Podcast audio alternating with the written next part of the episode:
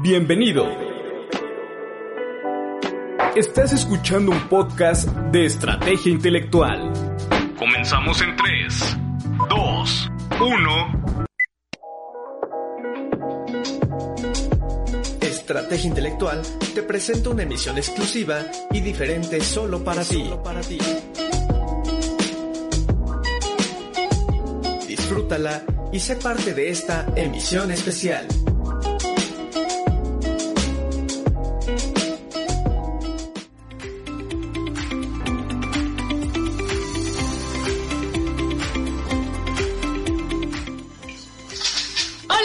Buenas noches. Bienvenidos a nuestro programa, que el día de hoy es una emisión especial donde vamos a analizar la iniciativa de la Ley de Mecanismos Alternativos de Solución de Controversias.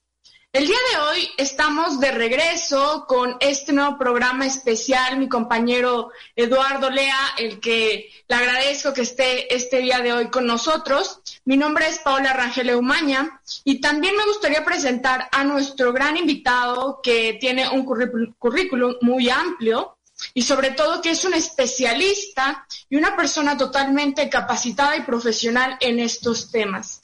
Nuestro querido amigo, el maestro César Pérez Rojas, presidente de Arco México, que el día de hoy va a analizar con nosotros, como les comentaba, esta iniciativa de la ley general que se ha comentado ya desde hace unas semanas en diferentes foros, así como también por diferentes especialistas, y qué mejor que nosotros también podamos analizarla para que todas las personas tengan conocimiento de estos temas que tienen que ver con los mecanismos alternos y también con el hecho de la cultura de la paz. Así que sin más preámbulo, agradecer a todas las personas que nos van a ver el día de hoy.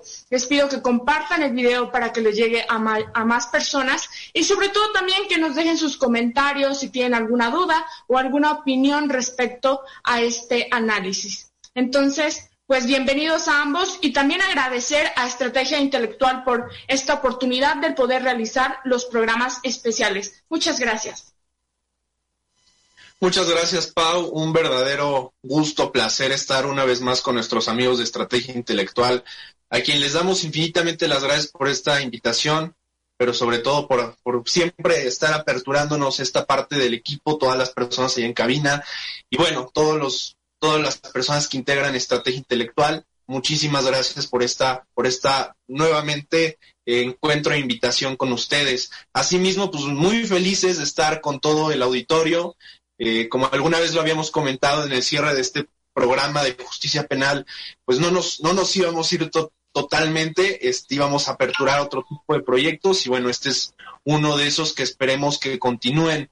Y bueno, pues muy felices también del día de hoy contar con un gran experto, con un gran amigo, con un gran maestro y con uno de los mayores exponentes de lo que es eh, los mecanismos alternativos de solución de conflictos en nuestro país y me atrevería a decirlo también en el continente, el maestro César Pérez Rojas, a quien le agradecemos infinitamente que haya aceptado estar el día de hoy con nosotros, hablando de un tema que sin duda ha estado en boca yo me atrevería a decir incluso más allá de los mismos especialistas, es un tema que verdaderamente nos tiene que ocupar a toda la sociedad por el impacto, pero sobre todo por todo lo que esto vendrá a ocasionar en pro y en favor, en primer lugar, de la ciudadanía y también acerca de la cultura de la paz. Pero bueno, pues maestro César, bienvenido a este día.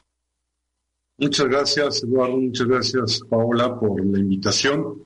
Eh, y, por la introducción que, que, también debo de agradecer. Este, así ya no me siento este, fuera de casa. Pero más allá de esto, pues eh, evidentemente el hecho de, agradecerles, también agradecerles a Estrategia Intelectual por, por el hecho de la invitación. Y, y bueno, pues sí, por supuesto es un tema bastante interesante que ha generado controversia y que creo que eh, algo que, he dicho en algunos otros foros y que en, este, en esta ocasión empezaré comentando, es, ha causado controversia porque nosotros tenemos posturas que, que, que generan controversia. En realidad la ley es, es un proyecto que está ahí, que podemos comentar y que podemos abordarlo de diferentes maneras, pero que eh, efectivamente esta controversia es algo que tiene que ver con las personas y con los comentarios que hacemos respecto de la ley, con las ideas que tenemos y vamos a decir con los metamodelos que nos hemos creado de lo que debe de ser la mediación, de lo que es la legalidad y de lo que debe de cumplir un mediador o un convenio de mediación, etcétera.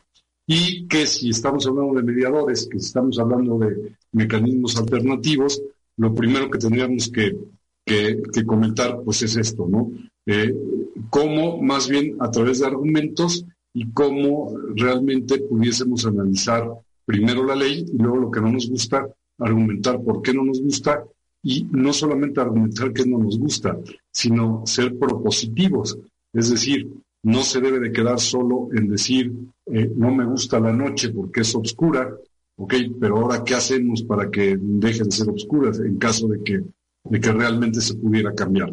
Y es un poco lo que sucede aquí. Si bien es un ejemplo burdo, pues es algo de lo que, de lo que he podido percatarme en diferentes foros, de decir, por ejemplo, no habla de la violencia contra la mujer o no habla o especifica nada de género. Bueno, desgraciadamente si tú lees la ley, pues eh, digo, es una lástima que las personas que opinan de la ley no la hayan leído, no la hayan terminado de leer, porque en los últimos capítulos justo un artículo eh, se dedica a las minorías y evidentemente a la violencia hacia esas minorías. Ya se especificó énfasis en la violencia contra la mujer. Y como este ejemplo hay muchos, entonces yo creo que la forma adecuada de abordarlo primero sería más o menos como hablar de los temas generales, cuáles son las novedades y a partir de ahí poder eh, a lo mejor generar alguna opinión. Pero más que una opinión, lo que sí me gustaría sería como abordar los temas que trae la, la ley, Eduardo, Paola.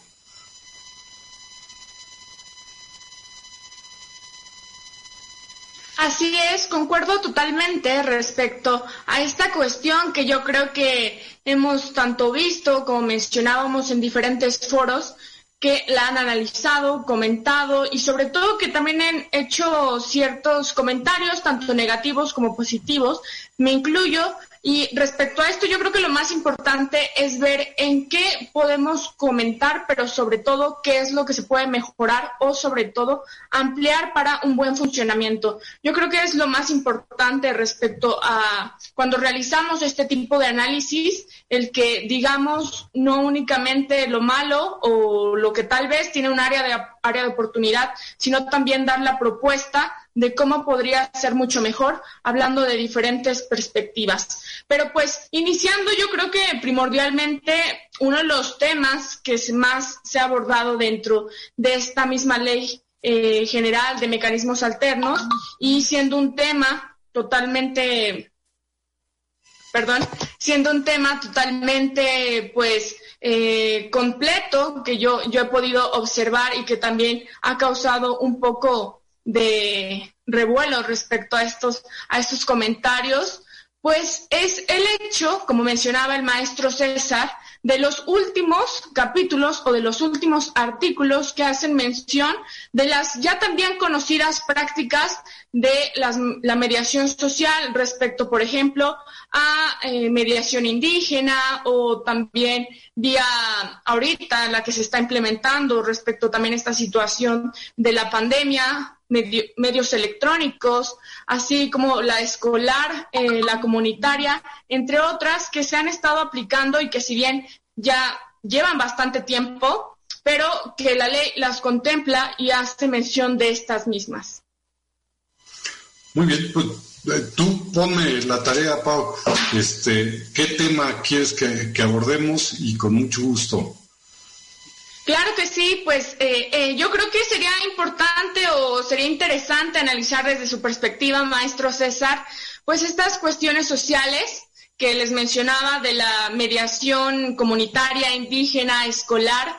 ¿Cuál, es, ¿Cuál usted creería que serían las cuestiones que se pueden mejorar dentro de esta ley? Ya que si bien, por ejemplo, hablando eh, de un punto de vista mm, ya de la mediación indígena, la contempla, yo creo que se es bueno el hecho de que la ley la pueda contemplar porque también hace em, mención de algunos puntos que tal vez quedaban en el aire o la forma de aplicación pudiese ser diferente, pero ¿cómo es que podríamos mejorar este tema de la, de la mediación indígena que contempla nuestra propia ley?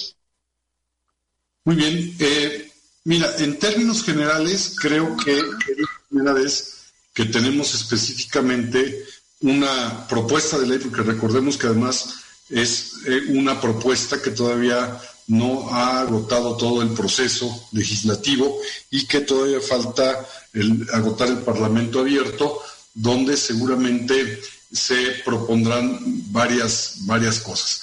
Y que, eh, por supuesto, habrá, supongo yo que habrá los cambios que, mucha gente está esperando y que los va, no solamente porque los está esperando, sino porque seguramente habrá espacio para poderlos proponer. Y en ese sentido es que, es la primera, la primera circunstancia. Ahora, ¿cómo aborda esto de, los, de los, eh, de las prácticas de algunos modelos o algunos procesos de solución de conflictos que hasta ahora no habían sido visualizados? Y es muy interesante. Lo primero es que nos habla de el reconocimiento de la mediación o de los mediadores a través de esta posibilidad de que la Secretaría de Gobernación lleve un control y lleve una especie de padrón de los mediadores. Y divide este padrón en dos partes, los mediadores que serán aprobados o que tendrán eh, la aprobación para poder firmar convenios y los mediadores que no son aprobados.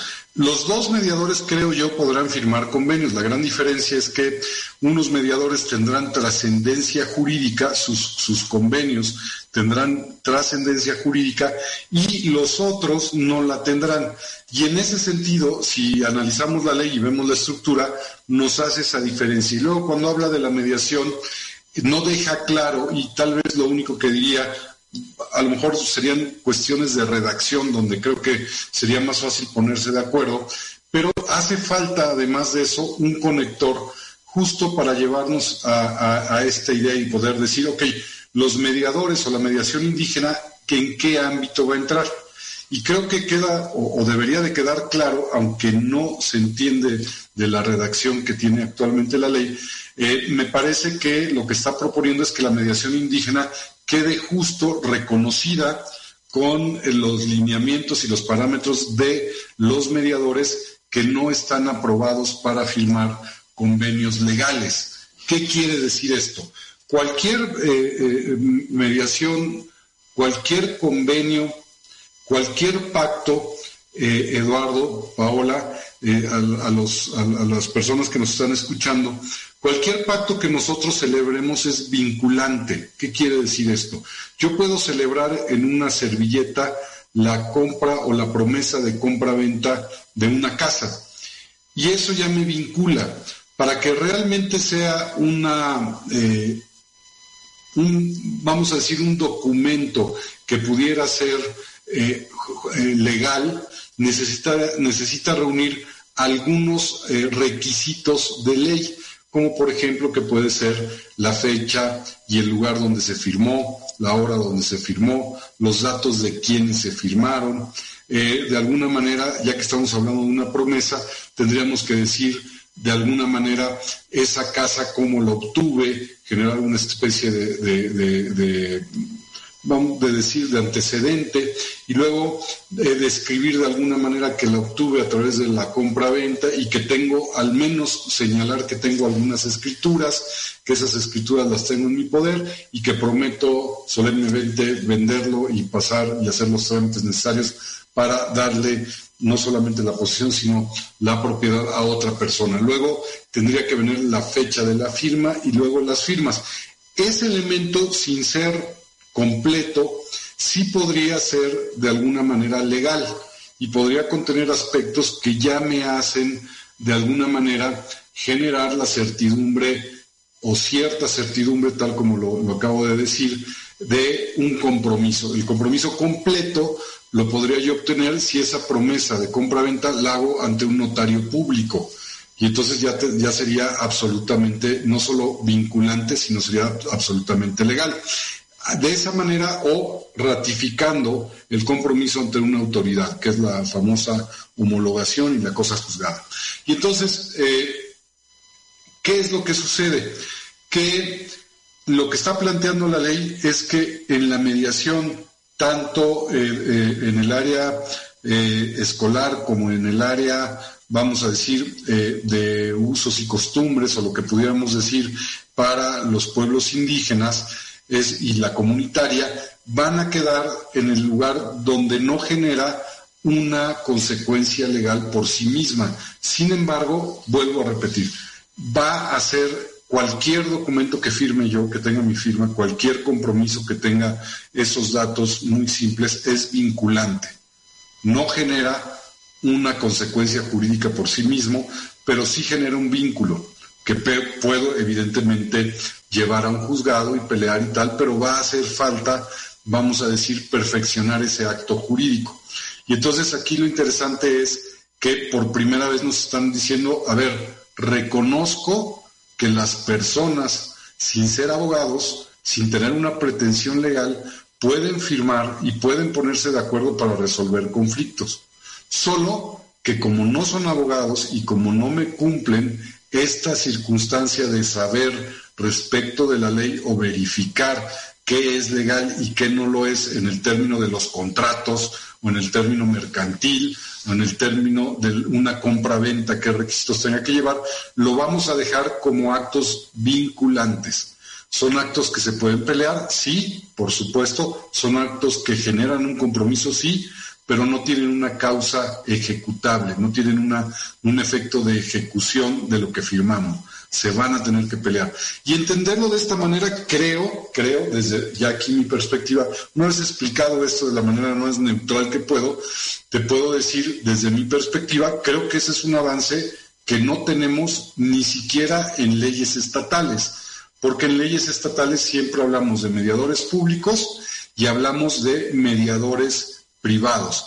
Y para los mediadores privados decimos, bueno, voy a certificar a solo los notarios, solo los abogados, solo los que tengan una carrera y dejamos de fuera en la mayoría de las legislaciones a las mediaciones, vamos a decir, comunitarias, indígenas, sociales o escolares. Aquí, desde la primera lectura, me parece que la intención es muy buena, me parece que los efectos eh, legales de esto son los correctos, los alcances son los correctos, probablemente para que la mayoría de las personas lo viera y lo reconociera como algo positivo, nos hace falta trabajar en el área, o más bien en la redacción un poco del documento.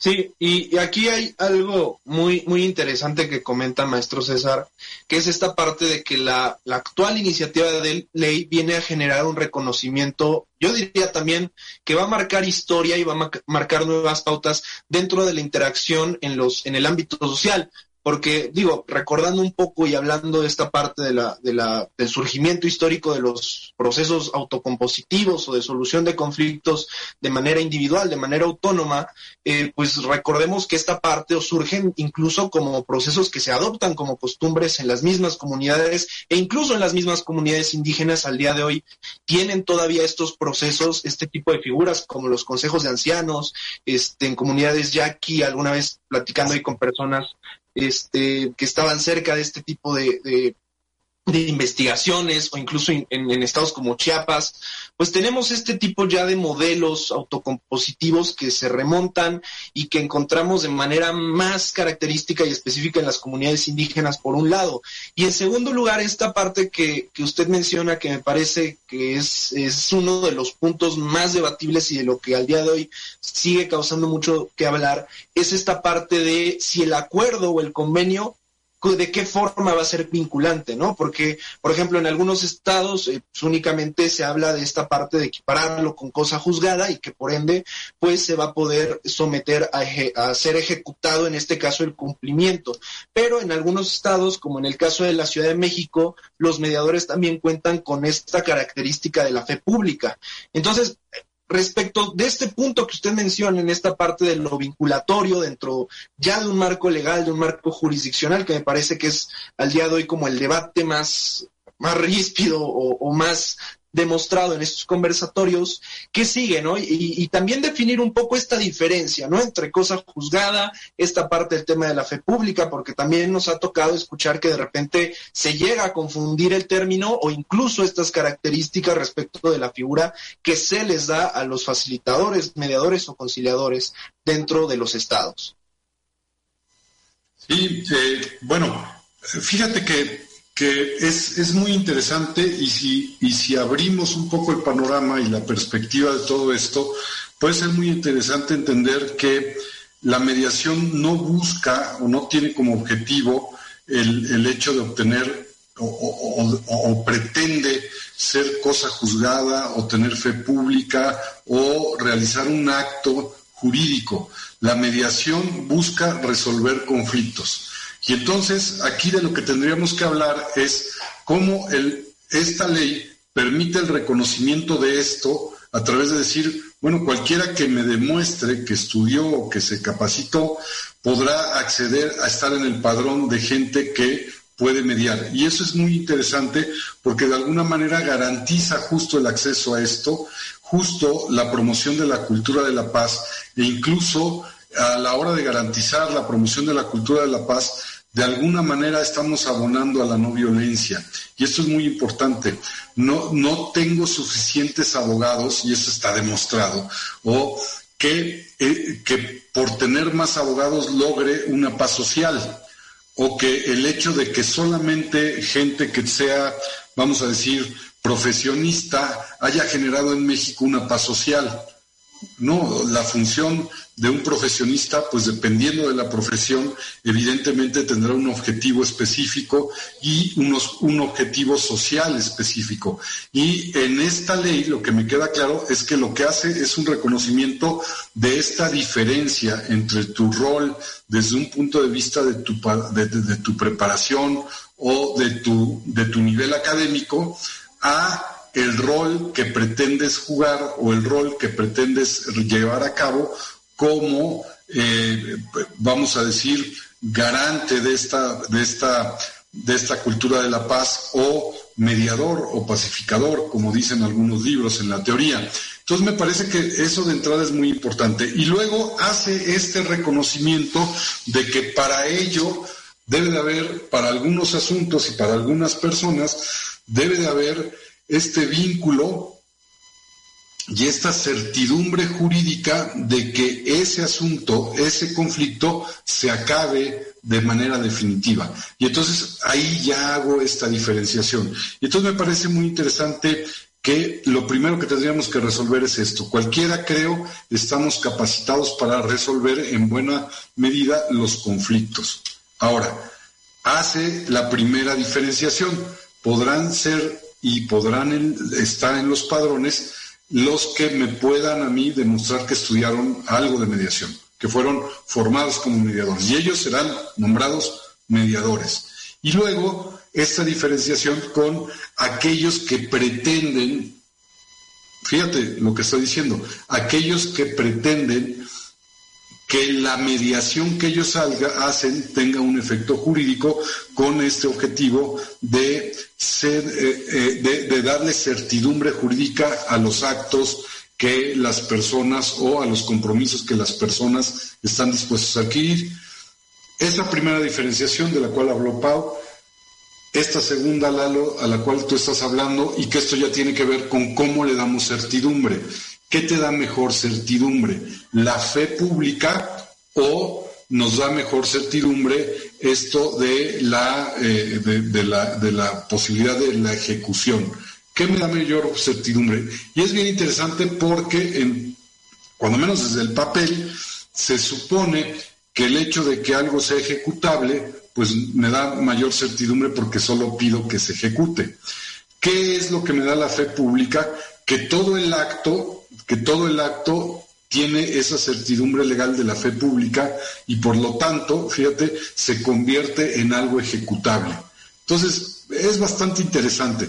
He escuchado debates respecto de que en ocasiones se echan para abajo los convenios, pero fíjate, lo oigo de mediadores, cuando lo que probablemente debería interesarle más a un mediador es el proceso de la mediación y no el proceso de la ejecución.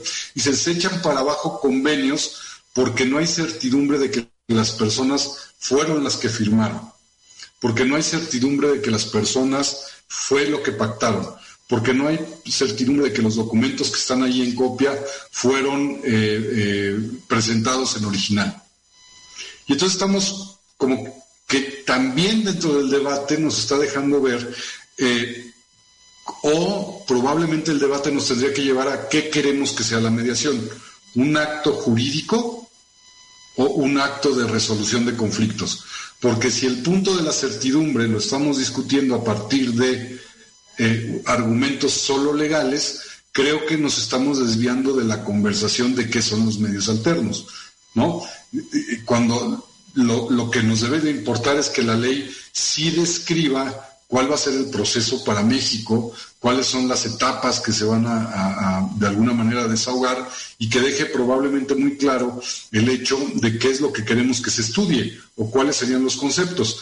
Me parece que eso lo están dejando como para el, reglamento de la ley, pero sería muy bueno que, que tal vez, yo diría, a mí me gustaría más ver el debate ahí, no en la parte de la ejecución, porque eso ya desvía un poco desde mi perspectiva este argumento. Sin embargo, eh, en el término de que la ley reconoce esta diferencia entre la parte social y la parte legal, lo hace.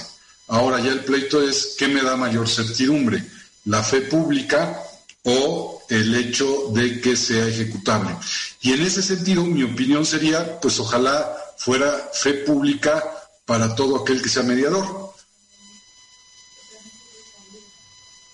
Así es. Bueno, respecto a esto que tú nos mencionas, César, yo creo que es muy importante y es de las cuestiones más rescatables que podemos observar dentro de esta ley, esta cuestión de que eh, nos menciona los diferentes mediadores o las diferentes personas que pueden llevar a cabo sobre todo estos mecanismos. Como lo hace mención esta ley, primero en las personas autorizadas, las personas certificadas, así como también las personas este, privadas que son las que evidentemente van a poder llevar a cabo todos estos. Yo creo que es una de las cuestiones que, que maneja bien esta ley, si bien hay que comentarlo, en algunas de las cuestiones que nos llegan a, mencionar, si es un poco ambigua respecto a esta cuestión que tú que tú decías hace un momento sobre si las personas, por ejemplo, autorizadas que tienen conocimientos o que pueden llevar a cabo estos mismos mecanismos, realmente pueden, por ejemplo, en el momento de llevar a cabo ya una mediación y realizar un convenio, evidentemente este no tendría como tal una cuestión de ser un, cosa juzgada o alguna cuestión de ese tipo hasta ese alcance. Sin embargo, existen otros medios donde se puede obtener de esa manera. Yo creo que también el hecho de que la ley ya unifique eh, esto de que a veces existían como diferentes términos de si el convenio o lo que se realizaba en mediación iba a tener o carácter de cosa juzgada o a cómo se iba a equivaler, cuál era el papel que iba a ocupar respecto a esto, también es una de las cuestiones que nos hace mención nuestra ley. Y también no perder de vista lo que tú mencionas sobre que viene siendo estos mecanismos alternativos herramientas sociales que finalmente lo que buscan es que las personas puedan dialogar, puedan comunicarse y ser ellos mismos quienes propongan las soluciones para llegar a un acuerdo. Entonces, yo creo que es una de las cuestiones también más relevantes y, también por mencionarlo, que, que menciona esta misma ley, pasando ya a otro punto, es, por ejemplo, la fase obligatoria respecto a el poder aplicar estos mecanismos previo o en cualquier etapa del proceso ya puede ser también en ejecución o este, en cualquier etapa que se encuentre en las materias que hace mención que se puede llevar a cabo este mismo mecanismo. Sí, bueno, me, parece que, que, antes de pasar ese punto me gustaría eh, justo hablar aquí de eh, esta parte. Mira, la ley nos dice que la persona facilitadora autorizada es aquella persona facilitadora certificada y que ha obtenido la autorización de la unidad y esta autorización es justo para celebrar estos convenios que tienen alcance jurídico. Eh, ¿Por qué el, el alcance jurídico? Bueno, para darle certidumbre en cuanto a la ejecución, pero sobre todo también para darle eh, certidumbre a las personas y al sistema que se está tratando de generar de mediadores, de que la persona que, puede llevar un proceso justo con estas categorías y justo con estos alcances legales para poder cumplir este requisito o este punto que acabas de mencionar, que es la posibilidad de terminar todos los, todos los, todas las controversias en materia civil y, no sé si familiar. Yo diría que tal como está, eso también habría que discutirlo, pero las, las materias eh, en materia civil y, familiar, poderlas acabar a través de un mecanismo o la aplicación de un mecanismo alterno. Y entonces se vuelve por tal motivo un requisito. Y esto es interesante porque esto está asociado justo a que la persona que puede desahogar este procedimiento sea un servidor público o pueda ser una persona privada autorizada porque tiene los conocimientos. Y porque esto va a tener una implicación que puede modificar el patrimonio, la salud inclusive, eh, eh, pues vamos, eh, los aspectos personales, perdón por la, redundancia, de un individuo, ¿no? Entonces, debe de ser una persona que esté autorizada, no podrá ser cualquiera. Y entonces, esto se vuelve relevante porque lo que se está buscando es justo dar certidumbre de que cuando yo vaya con un mediador, este tendrá los conocimientos suficientes para que esto tenga un impacto en mi proceso. ¿Y qué es lo que está buscando la ley con este impacto en el proceso? Que las personas puedan ponerse de acuerdo. ¿Por qué? Vamos a hacer un, ejercicio muy rápido y esto al auditorio le va a poder dar una idea de qué se trata esto. Están hablando de que sea obligatorio o que sea requisito de los procedimientos en materia civil o en materia familiar el desahogar un, procedimiento de más, en este caso una mediación, ¿correcto? Si, si hacemos esto, hay discusiones si lo hacemos bien, si lo hacemos mal, si vulneramos derechos, se vulnera la voluntariedad de las partes, etcétera, etcétera. Pero desde el punto de vista de los beneficios que esto acarraría hacia los usuarios, hacia las personas del sistema judicial, es que hoy lo podemos demostrar.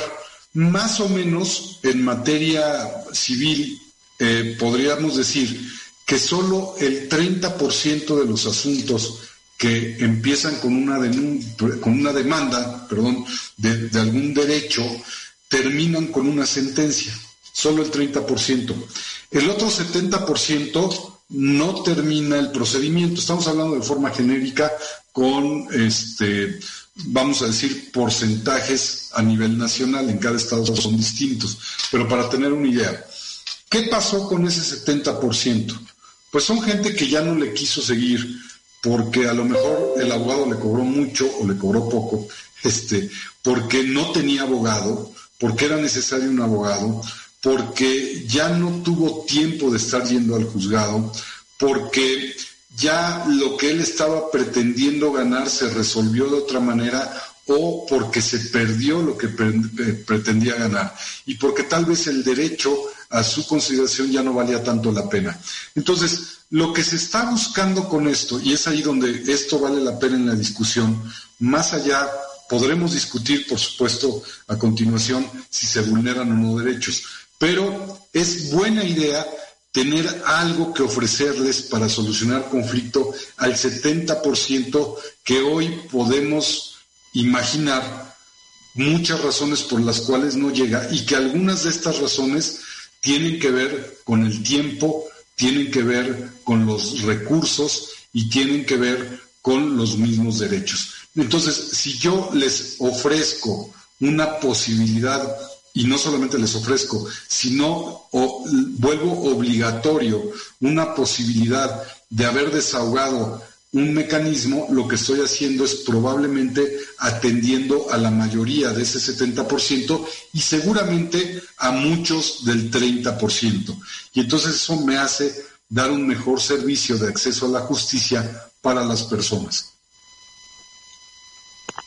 Sí, y, y aquí hay algo muy interesante que comenta maestro, que es esta parte de eh, eh, el tema de si se vulneran o no esta parte, por ejemplo, del principio de voluntariedad o los derechos al libre acceso de este proceso. Y acá, digo, para las personas de nuestro auditorio, sí definir un poco esta, esta división y esta distinción entre lo que es una sesión informativa y lo que es en este caso un, un, un proceso, lo que continúa. La sesión informativa meramente es que te expliquen qué es un proceso, o sea, que se te explique qué consta, cómo se interviene, cuáles son estos alcances que puede tener de llegar o no a un acuerdo. Y muy distinto es ya someterse a un proceso con todas las etapas y con todos los puntos que éste puede conllevar. Y sí aquí recalcar que el proceso es meramente voluntario. Es decir, si las personas están a la mitad del proceso ya habiéndose sometido, habiendo aceptado llevar, por ejemplo, a cabo una mediación, y a la mitad ya no sienten esta pues este convencimiento sobre el mismo, creen que no están logrando algo, ellas mismas pueden tomar la decisión de retirarse y, ese es algo que se va a respetar y meramente las personas podrán en ese momento salir del proceso. Entonces sí es importante poder haber generado esta distinción para las personas de alguna forma que no, ten, que no tienen este, este, este acercamiento jurídico, este acercamiento de lo que nuestra ley marca. Y otro punto que aquí mencionaba y rescatando un poco lo que hace un momento decía, eh, la eficacia de los procesos.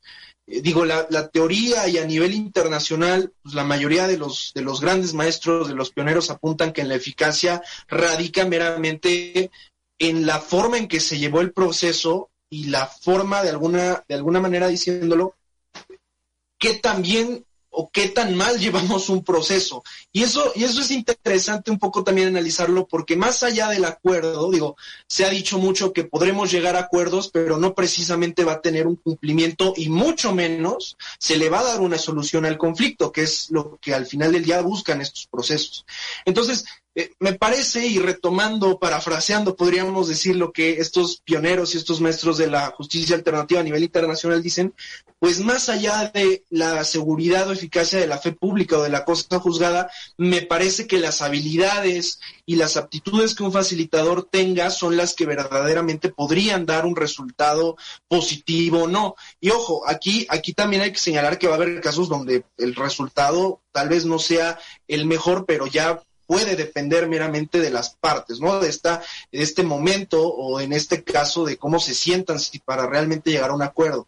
Pero sí es importante como poder también poner y plantear este debate para no perdernos de esta circunstancia histórica de raíz y de inicio de lo que al final del día, como decía Pau, pues son procesos que nacen dentro de lo social y buscan reafirmar este punto. Y hay un poco conectando, eh, me parece también importante esta parte de la acceso a ser, por ejemplo, lo que usted comentaba, maestro, de ser un mediador autorizado o, o, meramente ser un mediador que se pueda desenvolver en lo social. Uh -huh. Porque al día de hoy estos bloqueos o estas restricciones que se dan en los estados para la apertura de facilitadores es, es bastante notoria.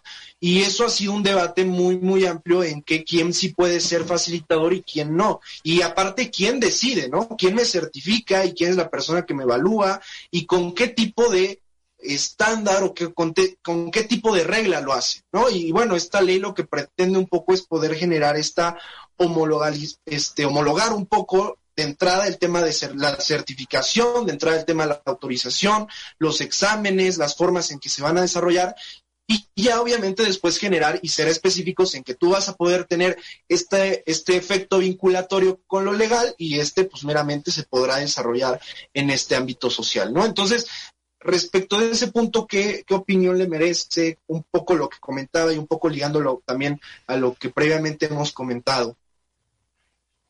Antes de eh, darle el uso al maestro César, me gustaría comentar eh, uno de los comentarios que nos dejan las personas que nos están observando, ya que va ligado con lo que hemos comentado hasta ahora. Nos dice Mari Carmen González, saludos licenciados, aquí escuchándolos con una noche lluviosa desde Tustepec, Oaxaca. Eh, también nos ah, manda saludos Viejón Suárez Ramírez y nos menciona que son muy importantes los mecanismos alternativos de solución de conflictos, toda vez que con esos medios se da más acceso a la justicia social y oportunidad a las personas de bajos recursos para solucionar sus diferencias ellos mismos sin, que, sin tener que recurrir a procesos largos, costosos y desgastantes. Solo hace falta tener una sociedad educada, participativa y siempre bajo el principio de la voluntariedad. Y yo creo que esto ha sido parte de lo que hemos comentado, cuestiones que también nos hace ver la propia ley general y que yo creo que es muy importante porque no únicamente lo hace mención la ley, sino también hasta la exposición de motivos, el hecho del propio derecho al acceso a la justicia, el que puedan brindar estos mecanismos alternativos y que no únicamente van a tener mayor eficacia o que también van a tener mayores beneficios a las personas que puedan optar por los mismos, sino también lo hace mención sobre eh, la situación que vivimos actualmente, por la, pandemia que estamos viviendo, que ha sido una situación totalmente pues extraordinaria. Eh, también se han aumentado el número de, de casos con los cuales ha existido una pausa y el que podamos sobre todo contemplar estos mecanismos que si bien como decíamos eh, lo marca como un requisito o de forma obligatoria, el que puedan tener las personas una oportunidad totalmente diferente para acceder a la justicia, pues yo creo que es uno de los grandes beneficios. Y también reconociendo lo que hace mención mi compañero Eduardo, el que también contempla que las personas y sobre todo garantiza que las personas eh, facilitadoras o que llevan a cabo estos mismos mecanismos, evidentemente sean personas que tienen los conocimientos, la capacitación y eso también nos ayuda al poder dar un o brindar un mejor servicio, que yo creo que en esta época y sobre todo por todo lo que estamos viviendo, lo que estamos pasado, pasando por los conflictos que se han derivado, tanto sociales, familiares, así como también entre otras materias, sería muy bueno que podamos impulsar esta cultura de la paz, esta cultura de los mecanismos alternativos y sobre todo pues implementar e impulsar esta misma iniciativa de la ley, que pues yo creo que es un gran avance para la justicia en México.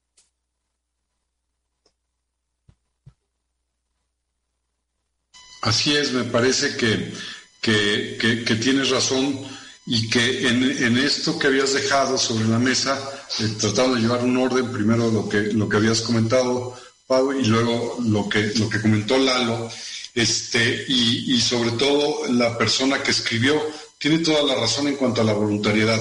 Y fíjate que esto me lleva a comentarle respecto de una práctica.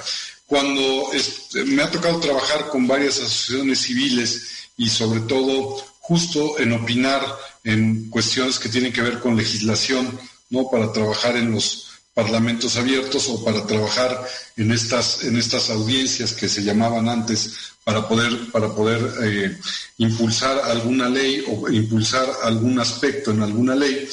Eh, en las reuniones que hacíamos o que se hacen en las asociaciones civiles hay la costumbre de votar, ¿no? Y en, las, en los votos hay algo bien interesante.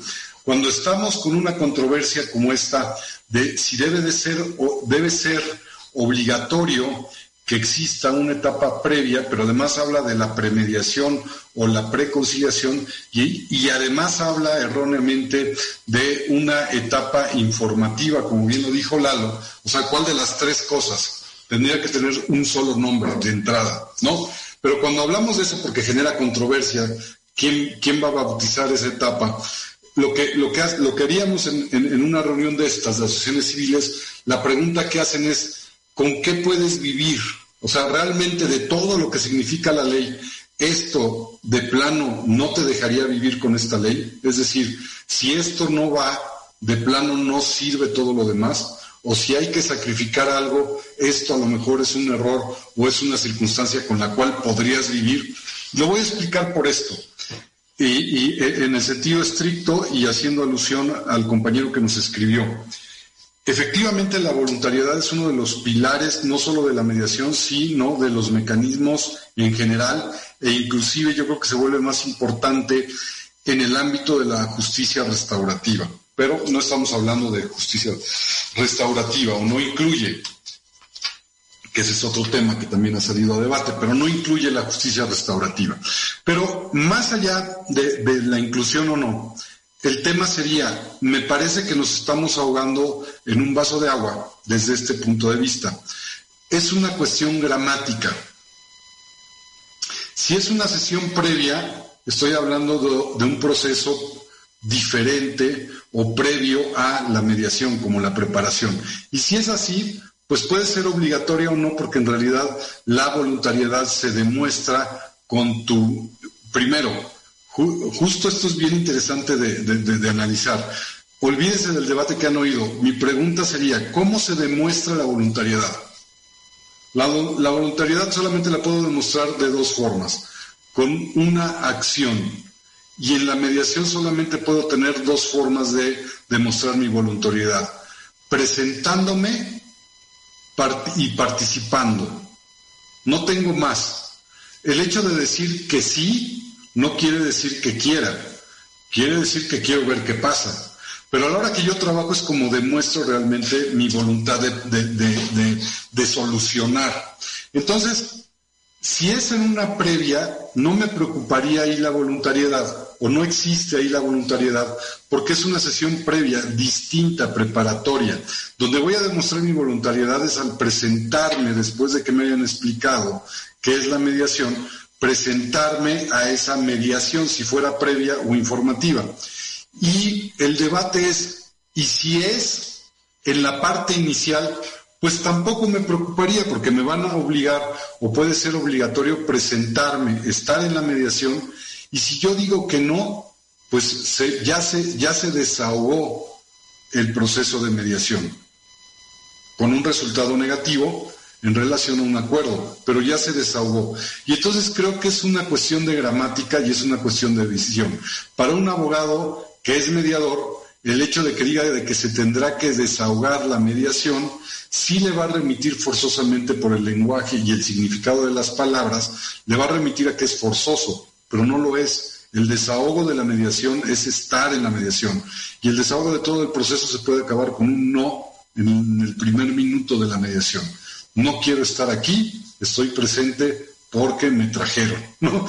Pero no quiero platicar con otra persona y se acabó. Eso, eso terminaría. Y eso es bastante interesante de analizar, porque lo que nos tendríamos que poner de acuerdo todos es en cómo le podemos llamar, por beneficio de las partes, a esta reunión, ya sea previa, eh, eh, eh, de preparación informativa o la etapa, la etapa eh, inicial de la mediación, como queramos llamarle, lo que sí debemos de, dejar bien claro es que la voluntariedad va a estar presente y que la voluntariedad es un acto y decir específicamente cuál es. Y si es aceptarla, es, es decir, si es, es, el hecho de que alguien diga sí quiero participar o no quiero participar, dejarlo muy claro en la ley para que no se genere controversia. En realidad, lo que menos me importa es esta parte de cómo se llame, pero lo que sí me importa es que las personas que no quieran estar tengan la libertad de no estar. Y eso creo que es lo que cumple el propósito de la mediación. Y una forma de demostrar que no quiero estar es justo no acudir. Entonces, si esta parte la podemos traducir en palabras, en palabras que se entiendan, que será obligatorio, pero que la voluntariedad será eh, parte que dé fin a esta obligatoriedad y que la obligatoriedad será el hecho de presentarse o decir que sí o que no, aceptar el procedimiento, pues creo que eso solucionaría la discusión de cómo le estamos llamando. Si etapa informativa, etapa eh, de previa al proceso o etapa de, preparación o lo que normalmente conocemos como la introducción. Entonces creo que eso terminaría con el debate y por supuesto estoy de acuerdo, se tiene que cuidar el hecho de que sea absolutamente voluntario. Por otro lado, en, atención a, otro punto que, pone sobre la mesa eh, Paola, me parece muy importante, leemos, conste que esto así se llama, hay una justificación de la ley. Y en las justificaciones pues podemos poner muchas, porque lo que estoy tratando es de argumentar y convencer de que se lleve a cabo la ley. Por lo tanto, yo no le creería la justificación.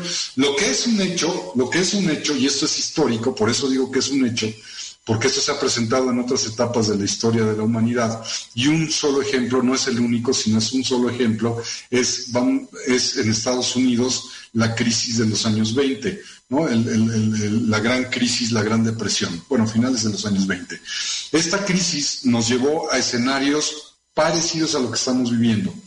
No se generó por una pandemia, sino por una crisis económica, pero esto generó una crisis social que llevó al desbordamiento del sistema judicial. Eso es un hecho. Por lo tanto, hoy estamos en riesgo y nos vamos a acercar cada vez más, entre más dure esto, nos vamos a acercar a un desbordamiento del, sistema judicial. Solamente tenemos que voltear a ver de lo que estabas hablando. Eh, en lo familiar, ¿de qué estamos hablando? De que se dejaron de pagar pensiones. La justificación es que porque no hay trabajo y porque, bueno, y eso, eso no sé si es una justificación para darle de comer a alguien. O yo le pueda decir a mi estómago que hoy no come porque hay coronavirus. Creo que no me haría mucho caso. Pero más allá de la parte ética y todo esto, me parece que, que si esta cuestión nos lleva a una crisis económica que ya estamos viendo, pero que me parece que apenas la estamos visualizando, si esto es cierto, va a haber un desbordamiento porque no se va a pagar, porque no va a haber dinero.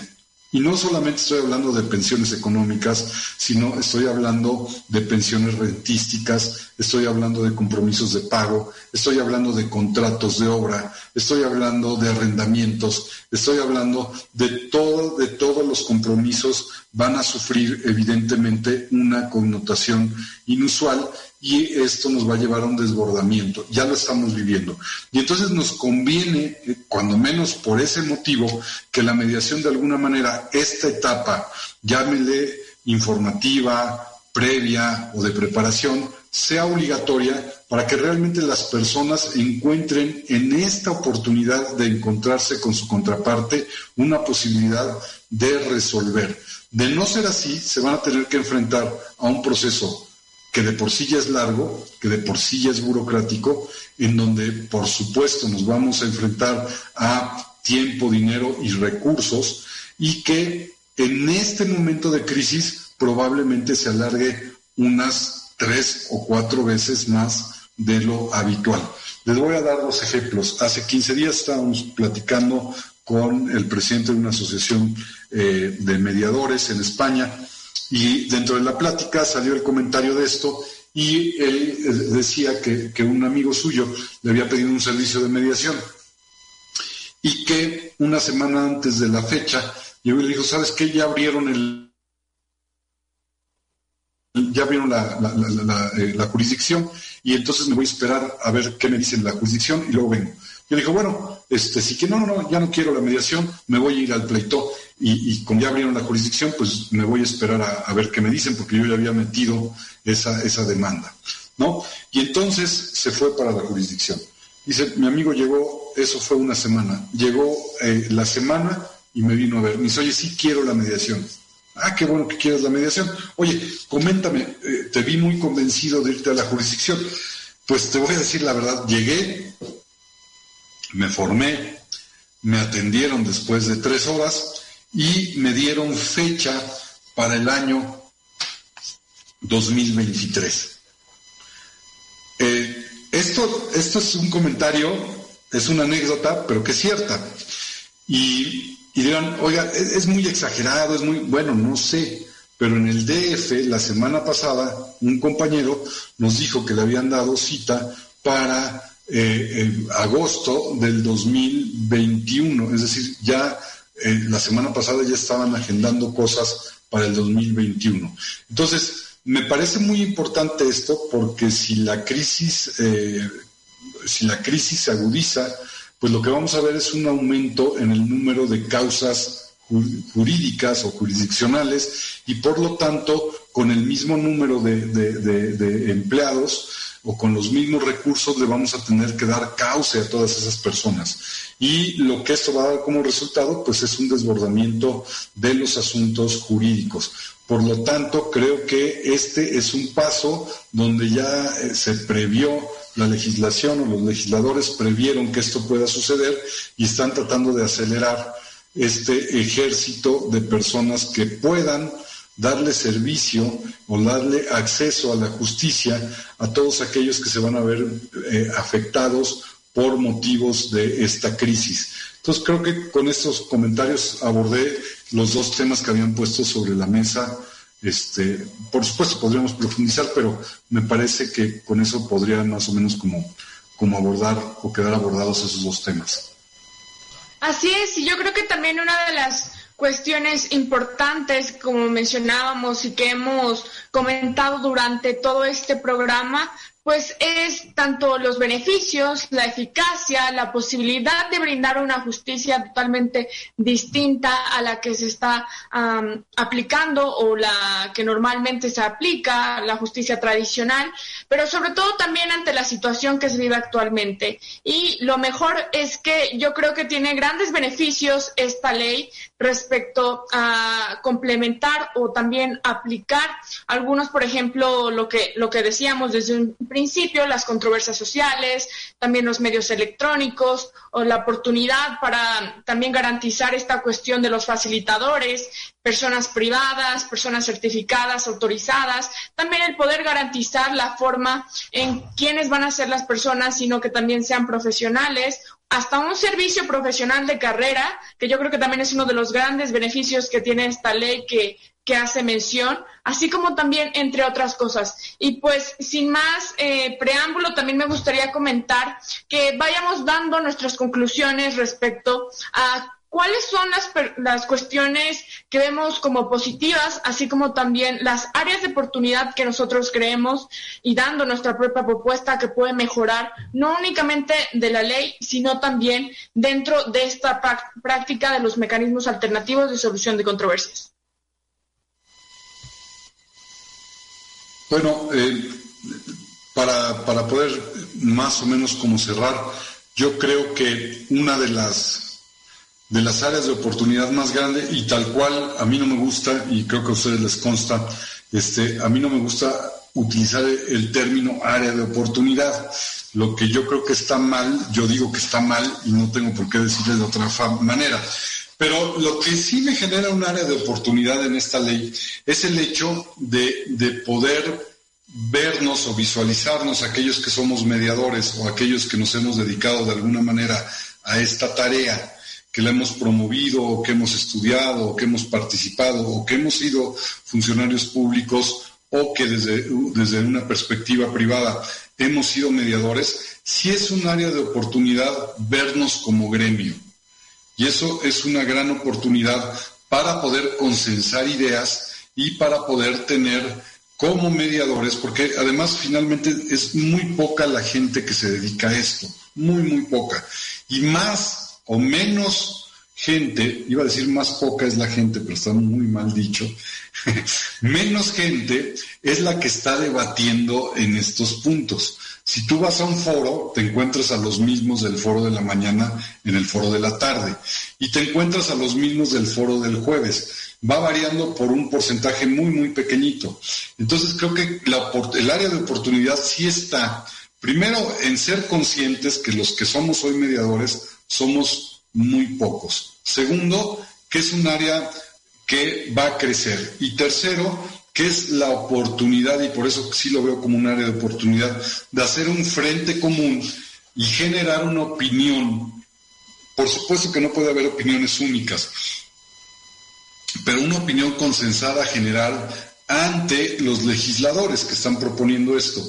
Y creo que muy mal eh, o no es positivo el hecho de que haya como 20 ideas distintas que además se hacen en 20 foros distintos, pero que los que están en esos foros son los mismos. Entonces no entiendo cuál es la idea de tener 20 ideas distintas cuando los que estamos discutiendo estas ideas somos los mismos. Entonces creo que la oportunidad está más bien en, esta parte de generar esta conciencia de, de grupo, esta conciencia de ser un gremio y esta conciencia de la necesidad de cerrar filas y poder consensar opiniones respecto y mucho menos opiniones, más bien generar propuestas que vayan de acuerdo con la idea del legislador, pero que atiendan a la realidad de lo que viven los mediadores.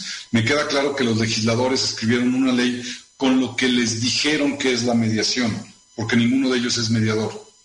Entonces ahora lo que hay que tratar de hacer es un frente común para, desde la perspectiva de los mediadores, proponer la representación en la realidad de lo que tendría que venir escrito para que realmente cause esos efectos. Y creo que si, si trabajamos desde ahí, pues los temas a tratar, que es lo que, lo que pediste como última reflexión, pues sí efectivamente es quién debe o quién no debe de certificar mediadores. Bueno, pues eh, si, ahora sí que si el piso es parejo, bienvenida la propuesta que sea. Si me hablas de profesionalización, de, eh, de ser, de tener esta homologación, y si me hablas de eh, democratizar la posibilidad y transparentar y oficializar esta posibilidad de ser mediador, me parece que es muy buena idea, sino que es la, la, la idea, es lo correcto que sea una entidad como es conocer. El siguiente tema es esta parte de si es obligatorio o no. Me parece que ahí es un tema de redacción y de gramática. Hay que encontrarle el nombre correcto para que no nos peleemos entre los mediadores, pero es necesario hacer que las personas conozcan de la mediación y ya luego que ellos decidan si quieren entrarle a una mediación o no. Creo que eso está en la ley, pero está escrito de una manera tal que inclusive los mediadores no estamos de acuerdo algunos y otros sí. Entonces, pues es una cuestión de, redacción. El tema, el tema de la, el tema de, cómo denomina a los mediadores, he visto que ha causado debates de decir hay mediadores de primera, de segunda y de tercera.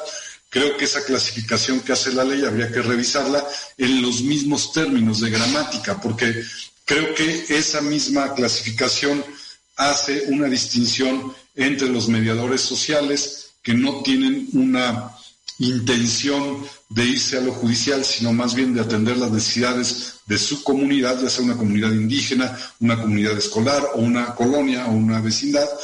Esa, e, e, esa, esa intención me parece que es perfecto que la pueda distinguir la ley y luego efectivamente la distinción de los que tienen que estar certificados o aprobados. Entonces creo que tratar esa o poder como mejorar la forma en que está descrita esta idea. Y tal vez como propuesta, en vez de que sean tres, sean solamente dos, pues eso sería creo que, que tema sí de debate. Y si tú le llamas así, Paul, estoy de acuerdo, área de oportunidad, pero pero eh, creo que creo que ese sería otro tema. En cuanto al orden de la misma ley, eh, junta los temas al final, los temas que son distintos al proceso y los temas que son de, justo del proceso, y entonces al final nos habla de varios temas como es esta cuestión de la violencia, como es el acceso a la justicia, como es eh, la, la atención diferenciada, y creo que eso también nada más es una cuestión de orden, porque están allá atrás esos temas, pero como están hasta el último, hay muchos compañeros que no llegan a leerlo y dicen que no está, ¿no? Creo que sí está, nada más el orden, habría que cuidarlo. Y eh, el tema más controversial creo que es esto de la fe pública o la cosa juzgada. A mí, a mí en lo personal, si me dejan trabajar, cualquiera de las dos está perfecto. Si me permiten presentar un examen y tengo la capacidad de pasarlo, con eso me doy por bien servido y que sea una u otra, pues ya trabajaré, ¿no? Este, creo que mm, ahora sí que me conformo con la cosa juzgada, pero habiendo escuchado a los compañeros y, viendo cómo, cómo llevan la mediación en, en la Ciudad de México, pues si nos dan la fe pública a todos, mejor pero me parece que lejos estamos de que suceda eso, entonces con que sean convenios que alcancen la categoría de cosas juzgadas, homologuen o tengan esa, esa, esa, esa, circunstancia, con eso creo que sería más que suficiente para darle certidumbre jurídica a las personas que firmen un acuerdo, cuando menos así lo pienso en lo personal. Esos son los temas.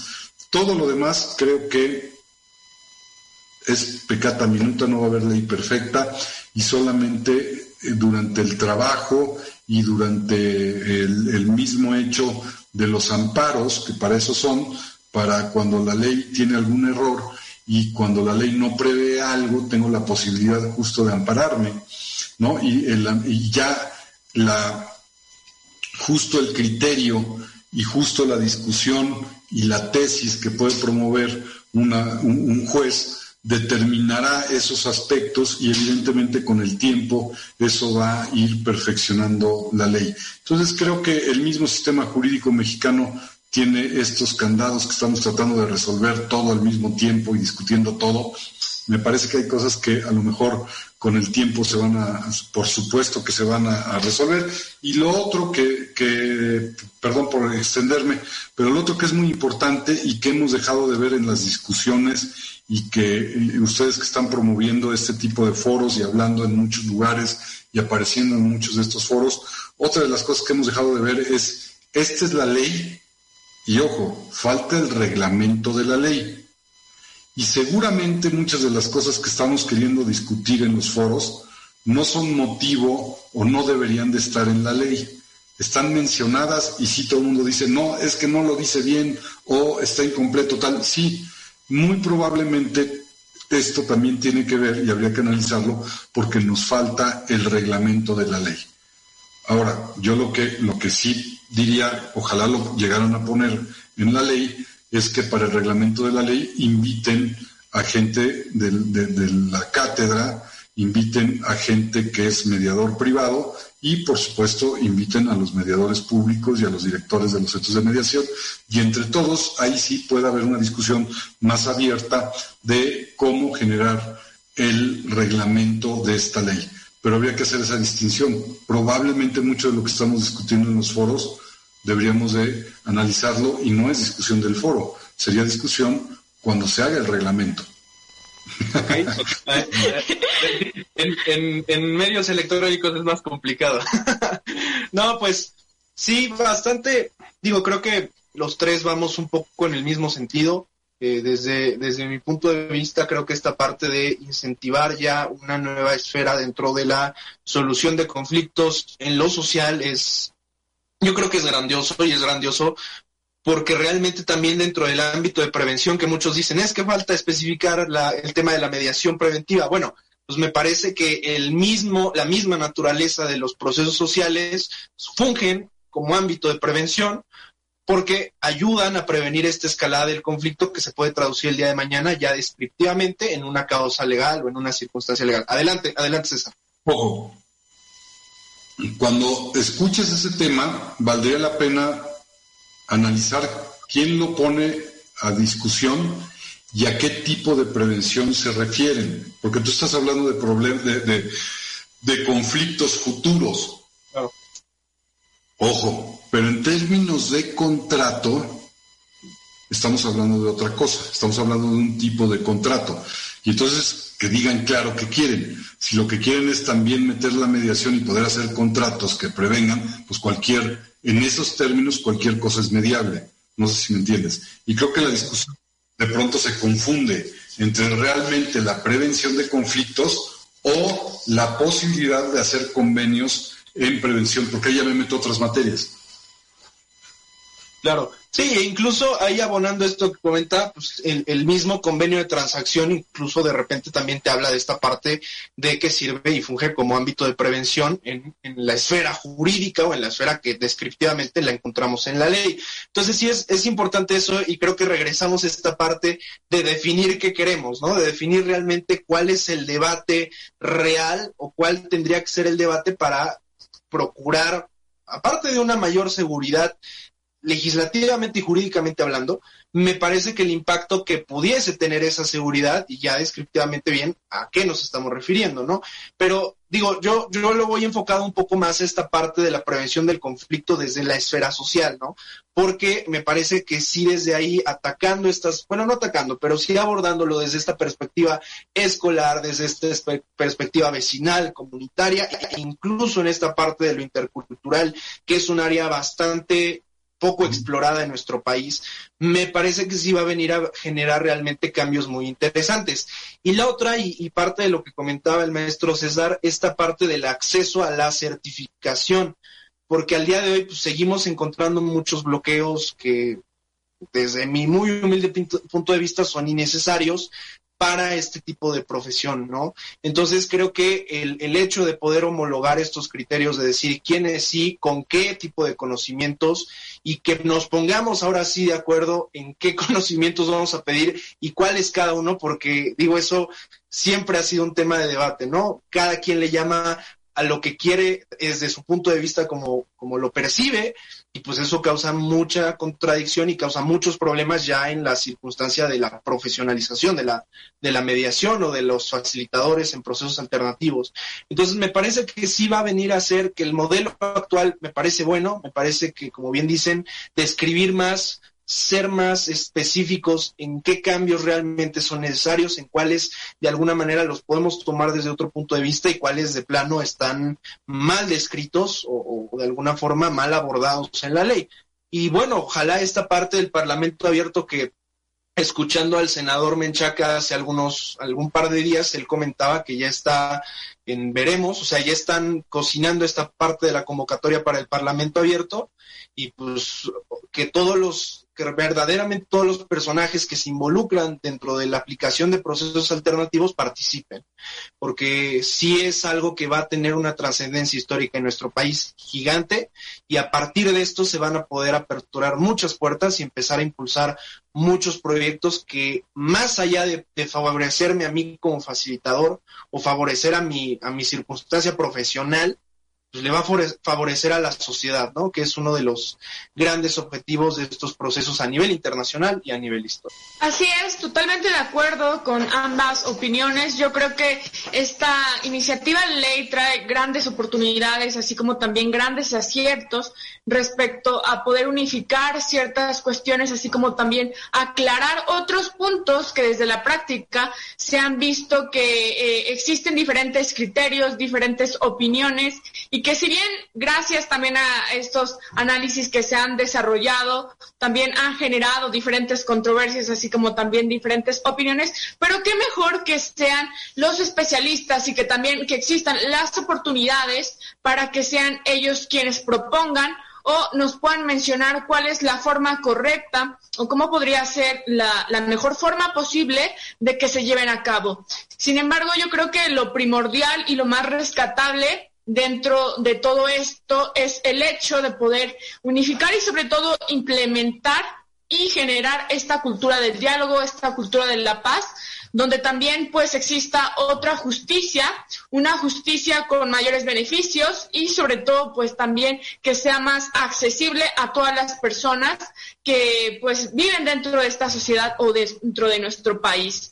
Yo creo que es uno de los grandes beneficios que puedan existir este tipo de leyes, sobre todo esta ley general y todo lo que se va a conllevar, también lo que sabemos que va a conllevar el hecho de que se genere. Yo creo que grandes oportunidades, así como también grandes retos que con la práctica, como hemos, como ha comentado el maestro César también, conforme vaya pasando el tiempo, vamos a ir viendo cuáles son las cuestiones que tal vez podríamos mejorar o cuáles son las cuestiones que nos han funcionado y todo eso funcionará pues hasta el momento de su aplicación. Es cuestión también de verse de la situación social que estamos viviendo y de cada una de las cuestiones que vayan pasando durante todo este tiempo. No me queda nada más que agradecer a todas las personas que nos vieron el día de hoy, así como también mandar saludos a las personas que nos estuvieron viendo. Quiero mandar un saludo a Isaac Blue, también a el licenciado Edgar Martínez Rosas, que nos comenta, les felicito a los tres una brillante exposición, que es un gran compañero de nosotros, estuvo con nosotros anteriormente en un programa que también fue transmitido aquí en Estrategia Intelectual, Justicia Penal. Le mandamos un fuerte saludo y pues muchas gracias por sintonizarnos, así como también pues a todas las personas que nos vieron. Esperemos que este análisis yo creo que daría paso a mucho más tiempo, una hora, dos horas y hasta mucho más. Ha habido foros que duran hasta cuatro horas o y más y se siguen con las opiniones eh, el poder dar estos espacios que si bien eh, faltó mucha información que también pudimos analizar o también comentar, pero sobre todo el que tengan conocimiento de lo que está pasando dentro de nuestra sociedad y sobre todo de estos grandes avances que tienen, que, tienen que ver perdón, con esta cuestión de los mecanismos alternativos de solución de controversias. Entonces, pues muchas gracias, maestro César, muchas gracias, Lalo, muchas gracias a Estrategia Intelectual y pues les doy el uso de la palabra por si quieren decir algo final. Sí, pues solamente agradecerles y, por supuesto eh, eh, hacer un ofrecimiento, por supuesto, entiendo que son temas que no están acabados, cuando gusten estoy para servirles y eh, pues reconocerles también el hecho de ser agentes de cambio. Creo que hoy nos hace falta tener esta conciencia, socialmente nos hace falta tener esta conciencia y socialmente nos hace falta impulsar a los agentes del cambio. Agente de cambio es aquel que tiene la intención, que tiene una propuesta y que hace algo.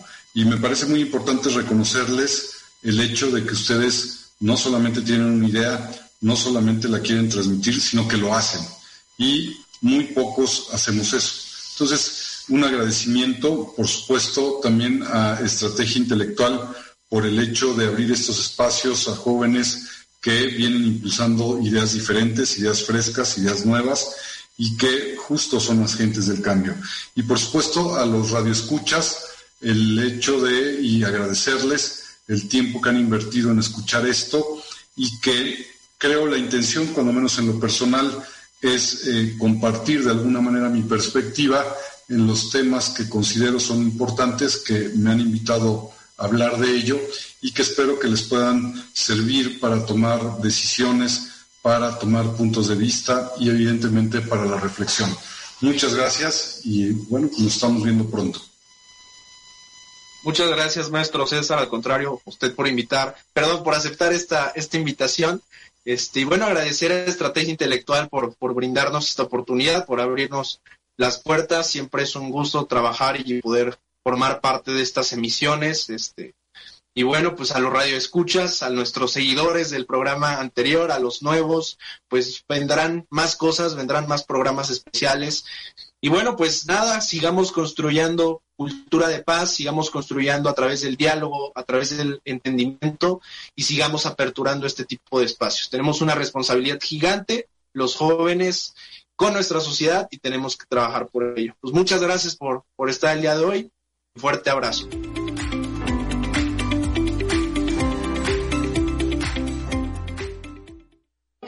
Este programa especial ha terminado. Sintoniza www.estrategiaintelectual.com y no te pierdas programas como este y muchos más en Estrategia Intelectual. Somos la capacitadora. Terminamos. Gracias por escuchar este podcast. No te pierdas el siguiente. Estrategia Intelectual. Somos la capacitadora.